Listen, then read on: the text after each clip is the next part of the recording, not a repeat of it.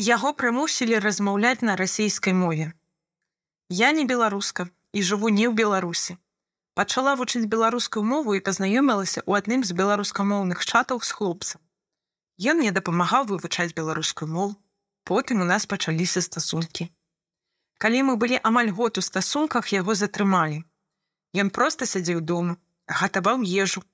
Мы з ім размаўлялі па тэлеграме. Ягоная бабуля упусціла міліцыянтаў у дом сказала, што вось ён ёсць тут.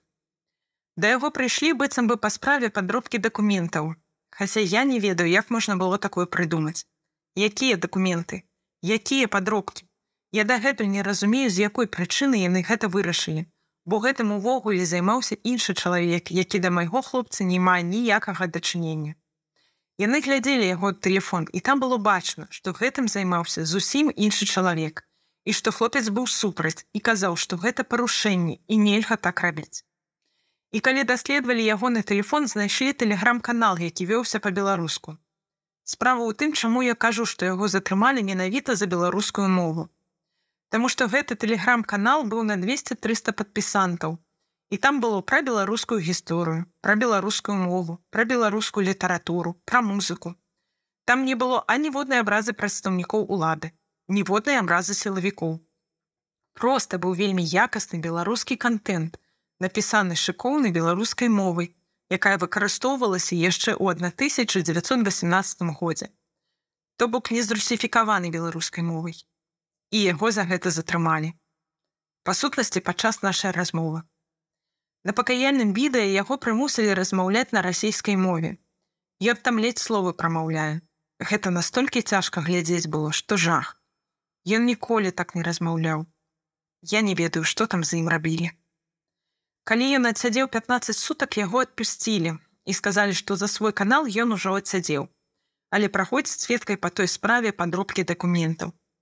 А праз два месяцы яго зноў затрымалі і затрымалі якім чынам.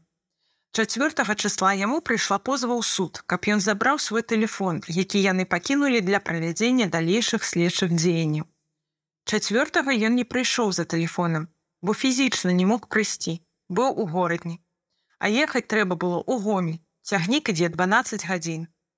5 числа прыйшлі з ператрусам дадому і сказалі, каб ён пайшоў на допыт шостага.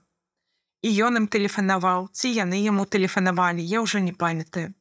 І дамовіліся яны, што ён а 12 гадзін дня прыйдзе на допыт. Але яны забралі яго, літаральна выцягнулі з ложку а сёмай раніцы.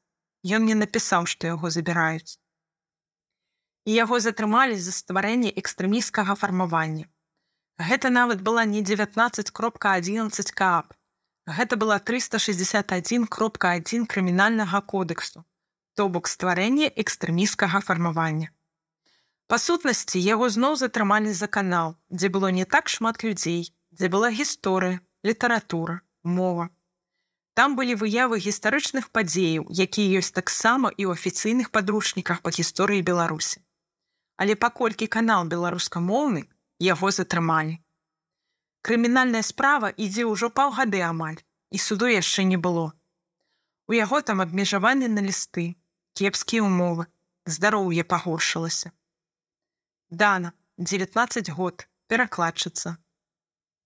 Падробка карыстацца без патрэбу чужой мовай маючы сваю, падрабляць самога сябе ў вачах гісторыі, продкаў і здаровага сэнсу. Агучала ДП.